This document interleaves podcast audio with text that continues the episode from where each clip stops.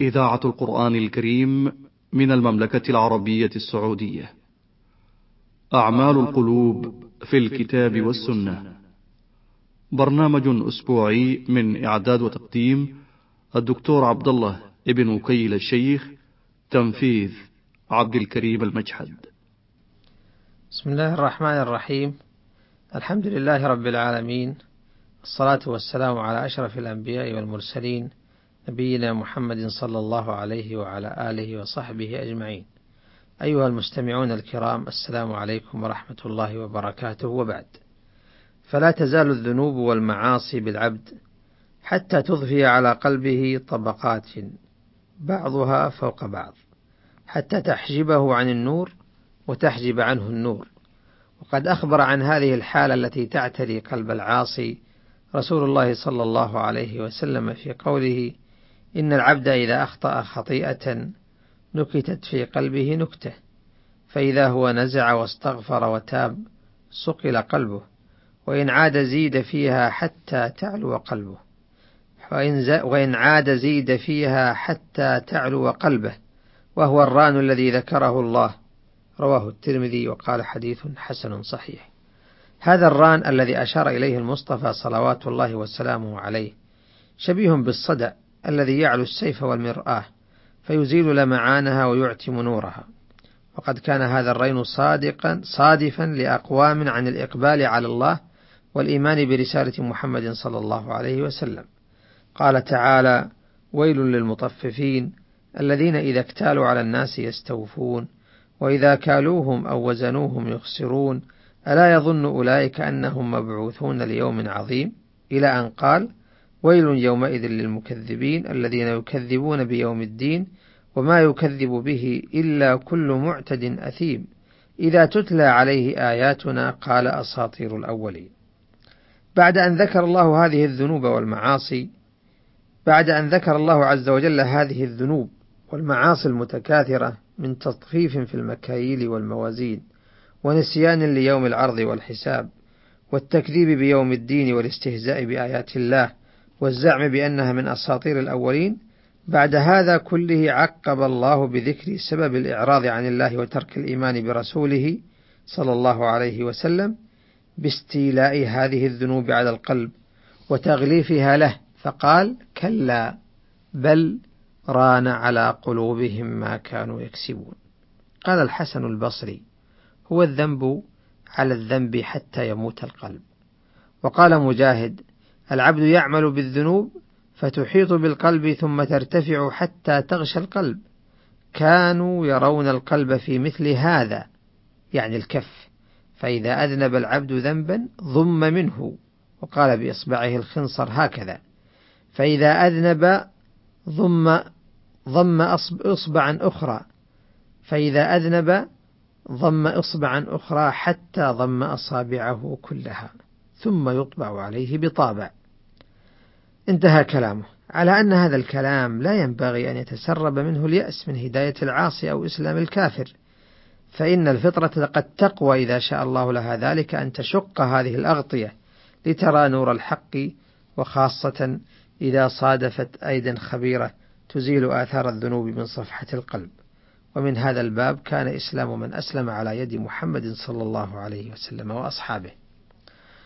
وقد يزيد هذا الران على القلب حتى يقفله دون الهدى ويمنع وصول النور إليه وذلك بحسب عظم الذنب وتكراره وعدم الاكتراث به. ولكن هذا القفل للقلب ميراث للذنوب التي تكتسبها الجوارح. قال الله تعالى فإذا أنزلت سورة محكمة وذكر فيها القتال رأيت الذين في قلوبهم مرض ينظرون إليك نظر المغشي عليه من الموت فأولى لهم طاعة وقول معروف فإذا عزم الأمر فلو صدقوا الله لكان خيرا لهم. فهل عسيتم إن توليتم أن تفسدوا في الأرض وتقطعوا أرحامكم؟ أولئك الذين لعنهم الله فأصمهم وأعمى أبصارهم. أفلا يتدبرون القرآن أم على قلوب أقفالها؟ أي أي بل على قلوب أقفالها. إنها دعوة من الله عز وجل إلى تدبر القرآن. فتدبر القرآن يزيل الغشاوة ويفتح نوافذ المعرفة ويحرك المشاعر ويستجيش القلوب ويخلص الضمير وينشئ حياة للروح تنبض بها وتشرق وتستنير. لكن أنى لهم ذلك فقد أقفلت قلوبهم عن هذا التذكر والتأمل بسبب نكوصهم عن الجهاد المعبر عنه بقوله ينظرون إليك نظر المغشي عليه من الموت. وبسبب العودة إلى ارتكاب أعمال الجاهلية من الإفساد في الأرض وتقطيع الأرحام كل تلك السيئات شكلت قفلا محكما لذلك القلب. روى ابن جرير بسنده عن هشام بن عروة عن أبيه رضي الله عنه. قال تلا رسول الله صلى الله عليه وسلم يوما أفلا يتدبرون القرآن أم على قلوب أقفالها؟ فقال شاب من أهل اليمن بل عليها أقفالها حتى يكون الله يفتحها أو, أو يفرجها. فما زال الشاب في نفس عمر رضي الله عنه حتى ولي فاستعان به. قال الإمام الشيخ الشنقيطي رحمة الله عليه معلقا على هذه الآية إن أسباب انحطاط المسلمين في بعض العصور وتأثير الغزو الفكري في عقائدهم ودينهم راجع إلى عدم تدبر القرآن فتنغلق القلوب ويخلو منها الإيمان. وإن كانت الآية في المنافقين إلا أن سنة الله قائمة فمن أفسد في الأرض بالمعاصي وقطع الأرحام وسفك الدماء الحرام عاجلة عاجله أو آجله الله عز وجل بعقاب من عنده. وإن أطاع الله فتح الله قفل قلبه للإيمان. انتهى كلامه. وقد تكثر المعاصي وتشتد من العبد حتى يختم على قلبه ويطبع عليه. وقد وردت آيات كثيرة في الكتاب الكريم فيها اقتران الطبع والختم باجتراح السيئات من مثل قوله تعالى الذين يجادلون في آيات الله بغير سلطان أتاهم كبر مقتا عند الله وعند الذين آمنوا.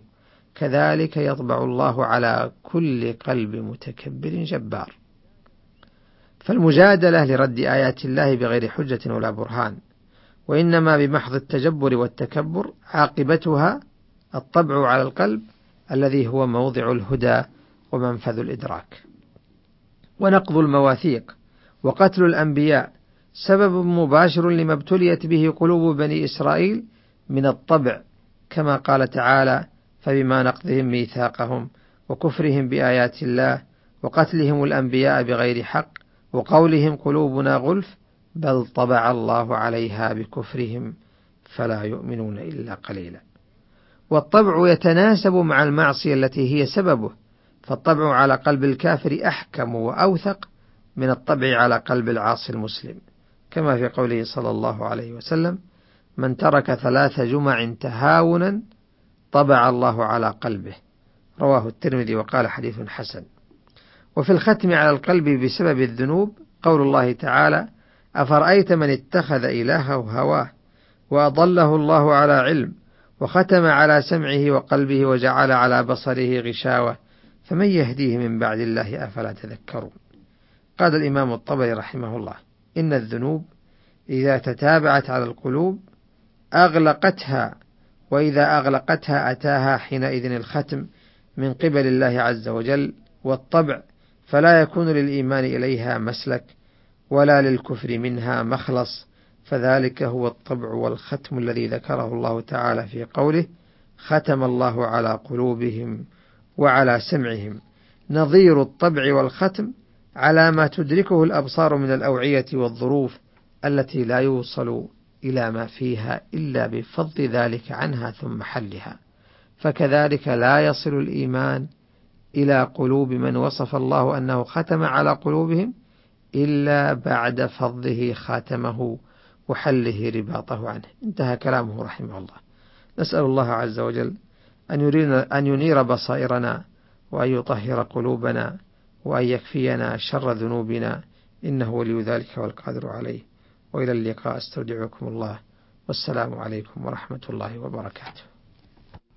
أعمال القلوب في الكتاب والسنة. برنامج أسبوعي من إعداد وتقديم الدكتور عبد الله ابن وكيل الشيخ تنفيذ عبد الكريم المجحد.